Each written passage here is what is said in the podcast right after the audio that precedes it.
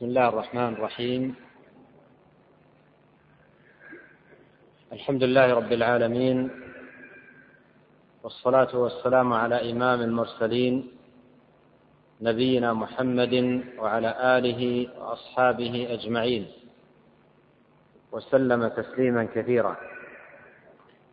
أما بعد فقد بدأنا أيها الإخوة الأكارم ببعض المقدمات في دراسة الإيمان وهي في تقدير مقدمات مهمة ينبغي على طالب العلم أن تكون منه على بال وأن يكون على علم بها وهو يتعلم الإيمان ويدرس مسائله. وقد مر معنا في الليالي الماضية شيء من المقدمات المهمة حول هذا الموضوع العظيم الذي هو أجل الموضوعات وأعظمها وأولاها بالعناية والاهتمام. والله جل وعلا يقول وأتوا البيوت من أبوابها. ولا ريب أن باب الإيمان العظيم وتفاصيله المهمة ينبغي على طالب العلم أن يدخلها دخولا صحيحا مؤصلا مبنيا على قواعد سليمة وأسس متينة على ضوء كتاب الله وسنة نبيه صلى الله عليه وسلم. وفي هذه الليلة نواصل ما بدأنا به في ذكر بعض المقدمات المهمة لدراسة الإيمان. قد كنا عرفنا فيما سبق ما يتعلق بأهمية الإيمان وأنه أصل عظيم وأساس متين يقوم عليه الدين. وعرفنا شيئا من فضائله. وقليلا من من ثمراته المباركة وعوائده الحميدة على أهله في الدنيا والآخرة. وعرفنا كذلك أهمية معرفة أو أهمية دراسة الإيمان بل ضرورة دراسة الإيمان من خلال كلام الله تعالى. وأحاديث الرسول الكريم صلوات الله وسلامه عليه. وعرضت لكم عرضا مفيدا لبعض الأحاديث التي ينبغي أن نعتني بها في دراسة الإيمان. حديث سفيان وحديث جبريل وحديث أبي هريرة المعروف بحديث الشعب وحديث وفد عبد القيس وحديث أبي هريرة لا يزني الزاني حين يزني وهو مؤمن. وذكرت لكم أن هذه الانطلاقة المباركة والسير النافع في دراسة الإيمان على ضوء كلام الله وكلام رسوله صلى الله عليه وسلم يعود على صاحبه بالعوائد الحميدة والفوائد السديدة المبنية على تأصيل صحيح وعلى نور من من كلام الله وكلام رسوله عليه الصلاة والسلام. وهيهات ثم هيهات أن يعرف الإيمان من غير كتاب الله وسنة نبيه صلى الله عليه وسلم. وقد قال الله لرسوله عليه الصلاة والسلام وكذلك أوحينا إليك روحا من أمرنا ما كنت تدري ما الكتاب ولا الإيمان ولكن جعلناه نورا نهدي به من نشاء من عبادنا وإنك لتهدي إلى صراط مستقيم. والشاهد قوله ما كنت تدري ما الكتاب ولا الإيمان. فالإيمان العلم بتفاصيله وما يتصل به ولوازمه ومتعلقاته وأحكامه كل ذلك سبيل العلم بها وطريق معرفتها هو كتاب الله العزيز وسنة رسوله الكريم صلوات الله وسلامه عليه. وإذا نظرتم في تاريخ سلفنا المجيد وسيرتهم المباركة ونهجهم السديد في دراسة الإيمان تجدون أنه بني على هذا الأساس وأقيم على هذا المسلك بالتعويل على كتاب الله وسنة رسوله عليه الصلاة والسلام.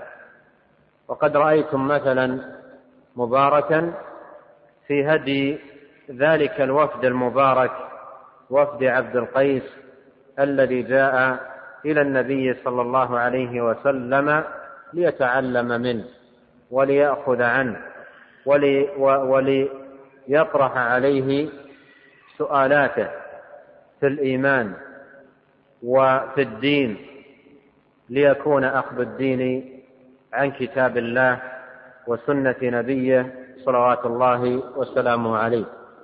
فهذا الأمر الذي أشرت إليه فيما سبق وأعدت تلخيصا له آه، الآن هو حقيقة أهم ما ينبغي أن يكون على بال طالب العلم وهو يعتني بهذا الباب العظيم باب دراسة الإيمان. وكان مما مر علينا حديث جبريل ومر معنا في آخر الحديث قول النبي صلى الله عليه وسلم هذا جبريل أتاكم يعلمكم دينكم. وهذه الكلمة من رسولنا صلوات الله وسلامه عليه تؤكد هذا المعنى الذي ندور حوله وندندن عليه. يقول أتاكم يعلمكم دينكم. فتعلم الدين يكون بهذه الطريقة. بسماع آه، أقوال النبي عليه الصلاة والسلام سماع إجاباته سماع آه، أسئلته الأسئلة التي تطرح عليه سماع فتاواه معرفة الدين من خلال هدي النبي الكريم عليه الصلاة والسلام. وقد كان في زمانه تفد عليه الوفود ويأتيه الناس من هنا وهناك لطرح السؤالات وطرح الاستفتاءات ومعرفة دين الله تبارك وتعالى ومعرفة دين الله تبارك وتعالى عن الرسول الكريم صلى الله عليه وسلم. وقد كان الصحابة رضي الله عنهم وأرضاهم يفرحون غاية الفرح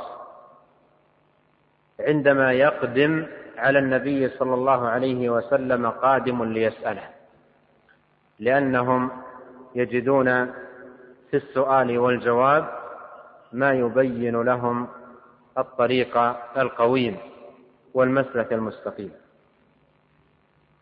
وقد كتب أحد النابهين من أبناء الشارقة رسالة علمية نوقشت في الجامعة الإسلامية بعنوان فتاوى النبي صلى الله عليه وسلم في العقيدة في مجلد كبير. جمع فيها ما كان من هذا القبيل. من يأتي إلى النبي عليه الصلاة والسلام ويسأله عن مسائل تتعلق بالاعتقاد.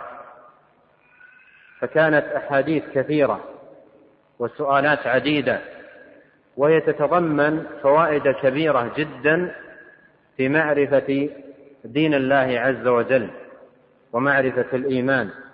من خلال فتاوى الرسول الكريم صلوات الله وسلامه عليه. وهي أسئلة متنوعة منها ما يتعلق بالتوحيد ومنها ما يتعلق بأمور الإيمان الأخرى كالإيمان بالملائكة والإيمان بالرسل والإيمان باليوم الآخر وغير ذلك. وكان الصحابة رضي الله عنهم يفرحون غاية الفرح عندما تطرح مثل هذه السؤالات على النبي عليه الصلاة والسلام. ونحن كذلك ينبغي أن نغتبط ونفرح عندما نقف على هذه السؤالات وجوابها لأن فيها بيان دين الله وتعليم الاعتقاد ومعرفة آه، ما ينبغي للمسلم أن يتعلمه. وكانوا على مستويات من يطرحون هذه الأسئلة. منهم أعراب ومنهم غير ذلك. وهي في غاية ما يكون من الأهمية في دراسة الإيمان. إضافة إلى ما أشرت إليه من أحاديث النبي الكريم صلوات الله وسلامه عليه العديدة التي تبين الإيمان. فالذي فالذي يريد دراسة الإيمان يبني دراسته على مثل هذا المسلك الصحيح من خلال آيات كتاب الله العزيز وأحاديث النبي الكريم صلى الله عليه وسلم. وأهل العلم في القديم والحديث سهلوا على طلاب العلم المهمة وهونوا عليهم السبيل فأفردوا كتبا خاصة بالإيمان. جمعوا فيها الآيات والأحاديث الثابتة عن رسول الله صلى الله عليه وسلم حتى تكون قريبة المتناول سهلة الاطلاع في مكان واحد تقف عليها أو على كثير منها مجتمعة فتتعلم الإيمان من خلال كلام الله وكلام رسوله صلوات الله وسلامه عليه. ثم إنني أنبه هنا وقد مر معنا حديث جبريل إلى تعلم الإيمان من خلال هذا الحديث.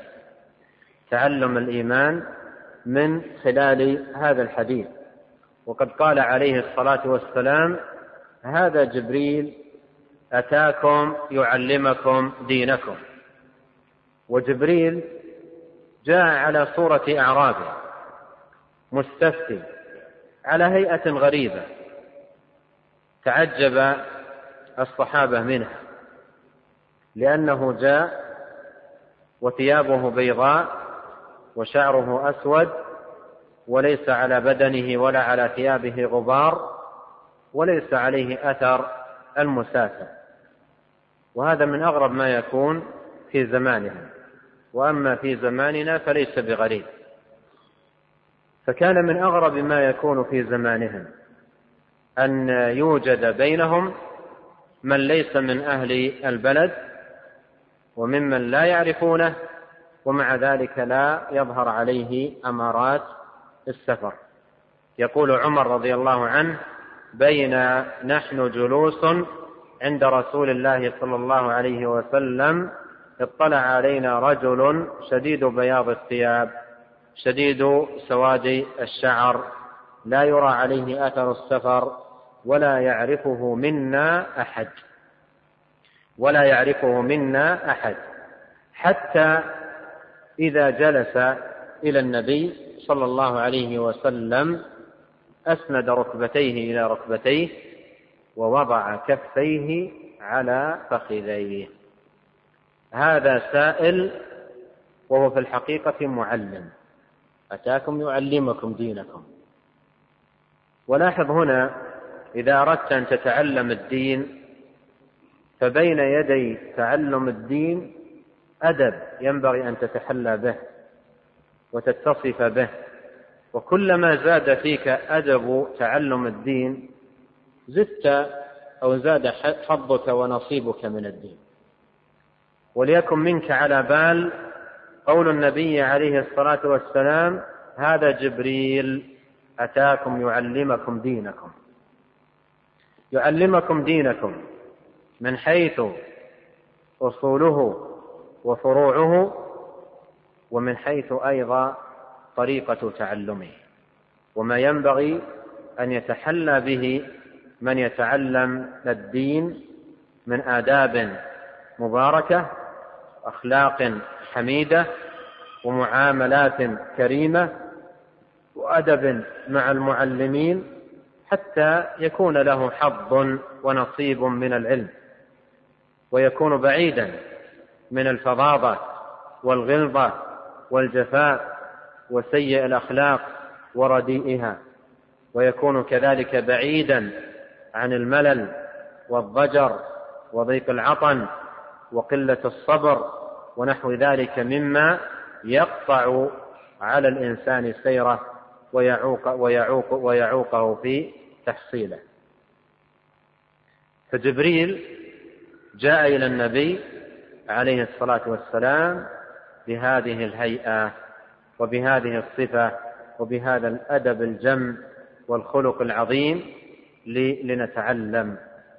لنتعلم كيف يكون تعلمنا للدين وكيف تكون دراستنا له وكيف أننا ينبغي أن نكون على حسن خلق وجميل أدب وحلية نتحلى بها.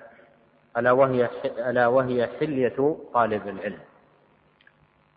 وحلية طالب العلم هي أدبه خلقه جمال سلوكه جمال آدابه حسن معاملته.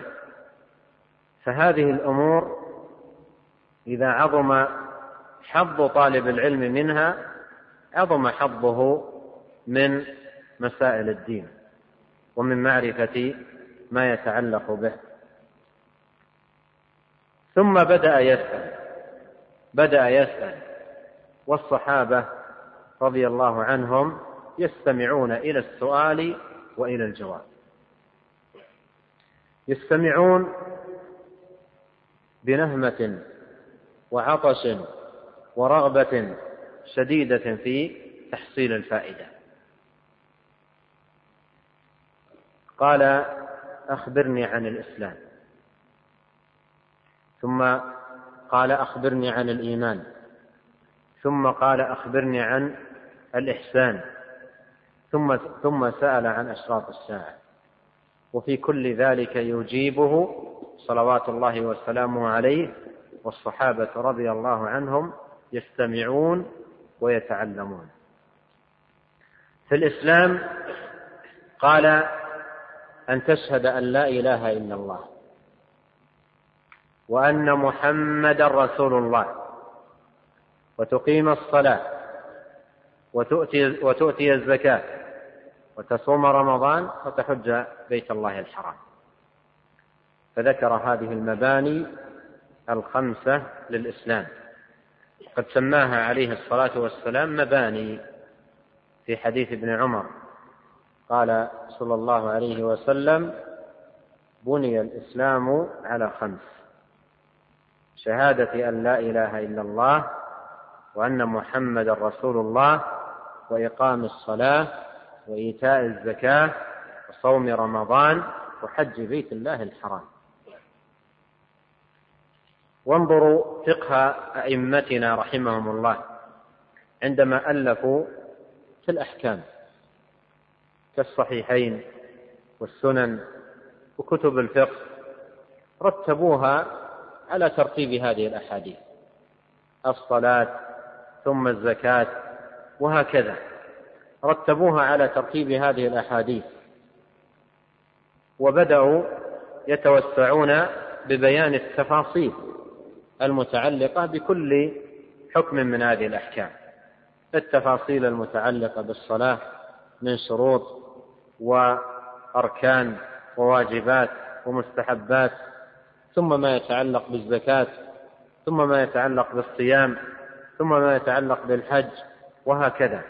لأن هذه الأحاديث هي البناء وهي الركائز التي منها المنطلق وعليها المعول في التأصيل والتأسيس. فأجابه بهذه المباني الخمسة. فلما سمع جبريل الجواب وسمعه الصحابة قال جبريل صدقت. وهذا عندهم من أغرب ما يكون. سائل يسأل. ثم لما يجيب عليه الصلاة والسلام يقول السائل صدقت. فالصحابة تعجب. قال عمر رضي الله عنه فعجبنا له. يسأله ويصدقه. يعني يصدق أجوبته. ثم سأل عن الإيمان. قال أخبرني عن الإيمان. قال أن تؤمن بالله وملائكته وكتبه ورسله واليوم الآخر وأن تؤمن بالقدر خيره وشره. فعرف الإيمان بأصول الإيمان الستة. فقال فقال جبريل صدق. قال أخبرني عن الإحسان. قال أن تعبد الله كأنك تراه. فإن لم تكن تراه فإنه يراك. قال صدقت. قال أخبرني عن الساعة. قال ما المسؤول عنها بأعلم من السائل؟ قال فأخبرني عن أماراتها. قال أن تلد الأمة ربتها وأن ترى الحفاة العراة العالة رعاء الشاء يتطاولون في البنيان. ثم انطلق. ذهب السائل. ثم انطلق. فلبثت مليا يعني انتظرت قليلا فقال لي رسول الله صلى الله عليه وسلم يا عمر أتدري من السائل؟ قلت الله ورسوله أعلم. قال هذا جبريل أتاكم يعلمكم دينكم. أتاكم يعلمكم دينكم. يعلمكم دينكم. فهذا الحديث فيه تعليم للدين. وإذا جمعت بين ما ختم به الحديث من قوله عليه الصلاة والسلام هذا جبريل أتاكم يعلمكم دينكم. وبين ما ذكر في الحديث من بيان للإسلام والإيمان والإحسان تدرك من خلال ذلك أن ديننا على مراتب. أن ديننا الدين الإسلامي الحنيف على مراتب. على مراتب ثلاثة بينت في الحديث. مرتبة الإسلام ومرتبة الإيمان ومرتبة الإحسان. وكل مرتبة وبين هذه المراتب تفاضل. أعلى هذه المراتب مرتبة الإحسان ثم يليها مرتبة الإيمان ثم يليها مرتبة الإسلام. وأنت هنا عندما تعرف أن في الحديث بيانا لمراتب مراتب الدين تتساءل عن كل مرتبة ما هي أو ما حدها بمعنى من المحسن ومن المؤمن ومن المسلم. والله عز وجل ذكر الأقسام في القرآن. كما كما في قوله إن المسلمين والمسلمات والمؤمنين والمؤمنات. وكما في قوله ثم أورثنا الكتاب الذين اصطفينا من عبادنا فمنهم ظالم لنفسه ومنهم مقتصد ومنهم سابق بالخيرات بإذن الله. فالدين مراتب وأهله ليسوا فيه على درجة واحدة. ولهذا فإن من فوائد حديث جبريل العظيمة أنه يدل على زيادة الإيمان ونقصانه وعلى تفاضل أهله فيه وأن أهله ليسوا على درجة واحدة بل متفاضلون. منهم من هو في مرتبة الإحسان وهي الرتبة العلية ومنهم من هو في مرتبة الإيمان وهي دون مرتبة الإحسان ومنهم من هو في مرتبة الإسلام وليس بعد الإسلام إلا الكفر. وقد شبه أحد العلماء المتقدمين هذه المراتب الثلاثة بدوائر ثلاثة. دور ثلاث دوائر كل دائرة أكبر من الأخرى وتحيط بها. فجعل الدائرة الصغرى دائرة الإحسان. ثم الدائرة التي أوسعها دائرة الإيمان. ثم الدائرة الأوسع منها دائرة الإسلام. بمعنى أن من يدخل الدين أول ما يدخله يكون في أدنى رتبه وهي رتبة الإسلام. رتبة الإسلام. فإذا تمكن الإيمان من قلبه وتمكن الدين عنده يرتفع منها ويعتلي إلى درجة الإيمان. قال الله تعالى قالت الأعراب آمنا. ادعوا رتبة ما وصلوها. قالت الأعراب آمنا. فماذا كان الجواب؟ قل لم تؤمنوا ولكن قولوا أسلمنا. فالدين رتب. قالت الأعراب آمنا. قل لم تؤمنوا ولكن قولوا أسلمنا. متى يصل درجة الإيمان؟ قال ولما يدخل الإيمان في قلوبكم. فهذا هذا يوضح لنا ما بين هاتين الرتبتين من تفاوت رتبة الإسلام ورتبة الإيمان. وفي الصحيحين من حديث سعد رضي الله عنه قال أعطى النبي صلى الله عليه وسلم عطاء أعطى أناسا وترك شخصا كان أعجبهم إليه. كان أعجبهم إليه فقلت يا رسول الله لم تعطي فلانا وإني لأراه مؤمنا. وإني لأراه مؤمنا. فقال عليه الصلاة والسلام أو مسلما. قال فسكت ثم أدركتني شفقة عليه فقلت يا رسول الله لم تعطي فلانا وإني لأراه مؤمنا. فقال أو مسلما. وهذا فيه تنبيه من النبي عليه الصلاة والسلام إلى الفرق بين هاتين الرتبتين رتبة الإسلام ورتبة الإيمان.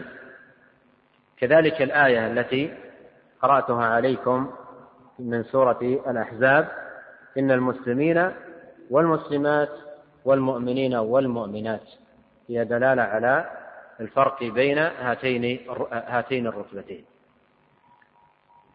فمن كان في دائرة الإسلام أو دخل هذا الدين يكون في رتبة الإسلام. فإذا تمكن الإيمان منه ارتقى إلى درجة الإيمان. فإذا زاد في إتقانه وإجادته وإحسانه في عبادة الله ارتقى إلى درجة الإحسان.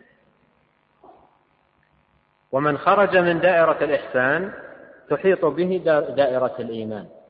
من خرج من دائرة الإحسان يخرج منها إلى الإيمان. ومن خرج من دائرة الإيمان يكون في دائرة الإسلام. ومن خرج من الإسلام فما بعد الإسلام إلا الكفر. وهذا الذي ذكرت لكم يوضح لكم قول أهل العلم كل محسن مؤمنا كل محسن مؤمن مسلم.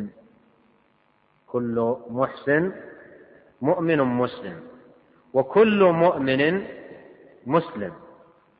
وليس كل مسلم مؤمنا وليس كل مؤمن محسنا. لأنها درجات ورتب. فمن كان في رتبة الإحسان وهي الرتبة العلية فهو داخل في رتبة الإيمان ورتبة الإسلام. ومن كان في رتبة الإيمان فهو داخل في رتبة الإسلام لأن كل مؤمن مسلم وليس العكس. وهنا يأتي التساؤل الذي طرحته قبل قليل من المسلم؟ ومن المح... من المسلم؟ ومن المؤمن؟ ومن المحسن؟ الجواب على هذا السؤال في الحديث. في الحديث نفسه النبي صلى الله عليه وسلم بما عرف الإسلام في حديث جبريل.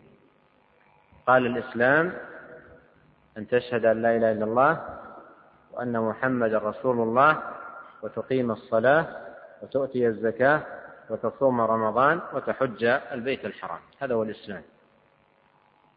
انظر هذا الحديث مع قوله عليه الصلاة والسلام في الحديث الآخر من استقبل قبلتنا وأكل ذبيحتنا فهو المسلم له ما لنا وعليه ما علينا.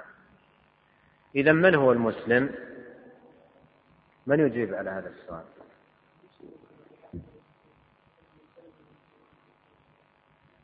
هذا جيد لكن من من المسلم؟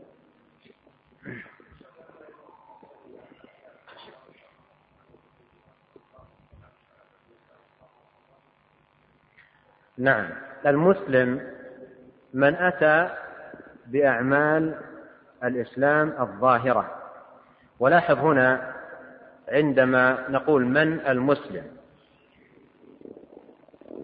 إما أن نكون نقصد به من المسلم عندنا نحن. من الذي يحكم عليه بالإسلام؟ فالذي يحكم عليه بالإسلام هو من أتى بهذه الأعمال الظاهرة. يشهد أن لا إله إلا الله وأن محمد رسول الله من صلى صلاتنا واستقبل قبلتنا فهو المسلم له ما لنا وعليه ما علينا لأن لنا الظاهر. فمن أتى من من أظهر الإسلام فهو عندنا مسلم. ويعامل معاملة المسلم لأن لنا الظاهر والله تبارك وتعالى يتولى السرائر ومن المسلم عند الله؟ من المسلم عند الله؟ هل يكفي أن نقول المسلم هو من أتى بأعمال الإسلام الظاهرة؟ هل يكفي أن نقول هو من أتى بأعمال الإسلام الظاهرة؟ الإتيان بأعمال الإسلام الظاهرة حصل ممن ليسوا بمسلمين. قال الله تعالى عن أهل النفاق إذا جاءك المنافقون قالوا نشهد إنك لرسول الله والله يعلم إنك لرسوله والله يشهد إن المنافقين لكاذبون. فمن أتى بأعمال الإسلام الظاهرة دون شيء في الباطن لا يكون بذلك مسلما. وإن كان يكون عندنا نحن مسلما لأن لنا الظاهر لأن لنا الظاهر والله يتولى السرائر. لكن من المسلم عند الله؟ الذي يأتي بأعمال الإسلام الظاهرة وماذا؟ وعنده من الإيمان ما يصحح إسلامه. وعنده من الإيمان ما يصحح إسلامه. لأن إذا لم يوجد عنده من الإيمان ما يصحح إسلامه لا ينتفع بأعماله الظاهرة كلها ولا يستفيد منها جميعها. لا يستفيد منها. آه ولهذا قال الله تعالى ومن يكفر بالإيمان فقد حبط عمله وهو في الآخرة من الخاسرين. وقال تعالى وما منعهم أن تقبل منهم نفقاتهم إلا أنهم كفروا بالله وبرسوله. فمن فإذا المسلم من أتى بالعمل الظاهر وعنده من الإيمان ما يصحح إسلامه. ليس ليس عنده تمكن في الإيمان وإنما عنده من الإيمان ما يصحح إسلامه. وانظر الآية قالت الأعراب آمنا قل لم تؤمنوا ولكن قولوا أسلمنا. ولما يدخل الإيمان في قلوبكم. فإذا هذا هو المسلم.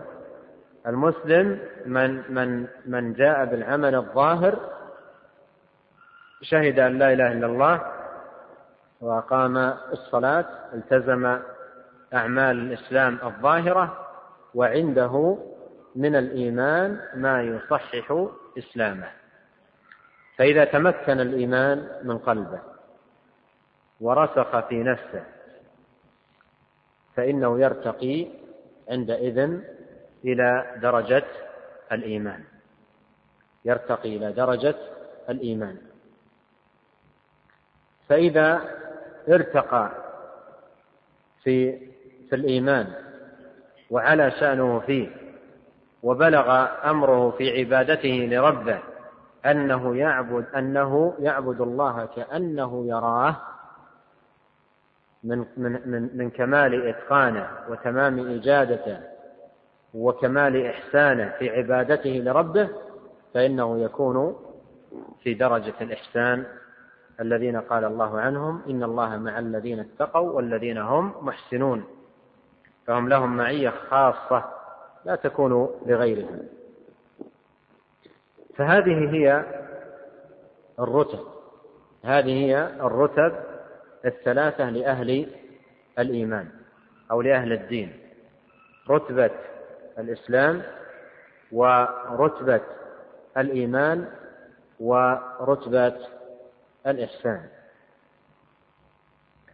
ثم من يتعلم ذلك من من هذا الحديث يبدأ في مجاهدة لنفسه واستعانة لربه واستعانة واستعانة بربه ليرتقي في هذه آه، الدرجات وليعتلي في هذه المنازل. والتوفيق بيد الله تبارك وتعالى والله يهدي من يشاء إلى صراط مستقيم. ولهذا قال الله تعالى ولكن ولكن الله حبب إليكم الإيمان وزينه في قلوبكم وكره إليكم الكفر والفسوق والعصيان أولئك هم الراشدون. فضلا من الله ونعمة. أحد السلف وهو الحسن البصري سئل سؤالا سئل عن الإيمان وأجاب عنه جوابا يفيدنا كثيرا فيما تحدثنا عنه. قال له رجل أمؤمن أنت؟ رجل سأل الحسن البصري قال أمؤمن أنت؟ قال الإيمان إيمانان. الإيمان إيمانان. فإن كنت تسألني عن من قال الله فيهم إنما المؤمنون الذين إذا ذكر الله وجلت قلوبهم وإذا تليت عليهم آياته زادتهم إيمانا وعلى ربهم يتوكلون الذين يقيمون الصلاة ومما رزقناهم ينفقون أولئك هم المؤمنون حقا. فأرجو يعني أرجو أن أكون منهم. وإن كنت تسألني عن الإيمان بالله وملائكته وكتبه ورسله واليوم الآخر فأنا مؤمن. فأنا مؤمن. لكن إن كنت تسأل عن الإيمان الكامل والإيمان التام فأرجو.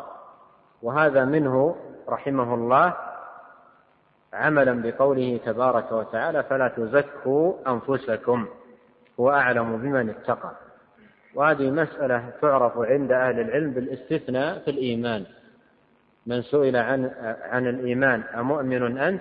لا يزكي نفسه وإنما يستثني يقول أرجو أو أنا مؤمن إن شاء الله لأن الإيمان يشمل الدين كله ومن الذي يدعي لنفسه أنه كمل الدين. والإيمان هو المتقبل عند الله ومن الذي يدعي نفسه أن أعماله متقبلة. فيستثني لا شكا في أصل إيمانه وإنما بعدا عن التزكية وعلما بعدم علما منه بعدم الوفاء والتمام والكمال في الإتيان بأمور الإيمان ومسائله. والحديث له صلة نكتفي بهذا القدر. والله تعالى أعلم. وصلى الله وسلم على نبينا محمد وآله وأصحابه أجمعين.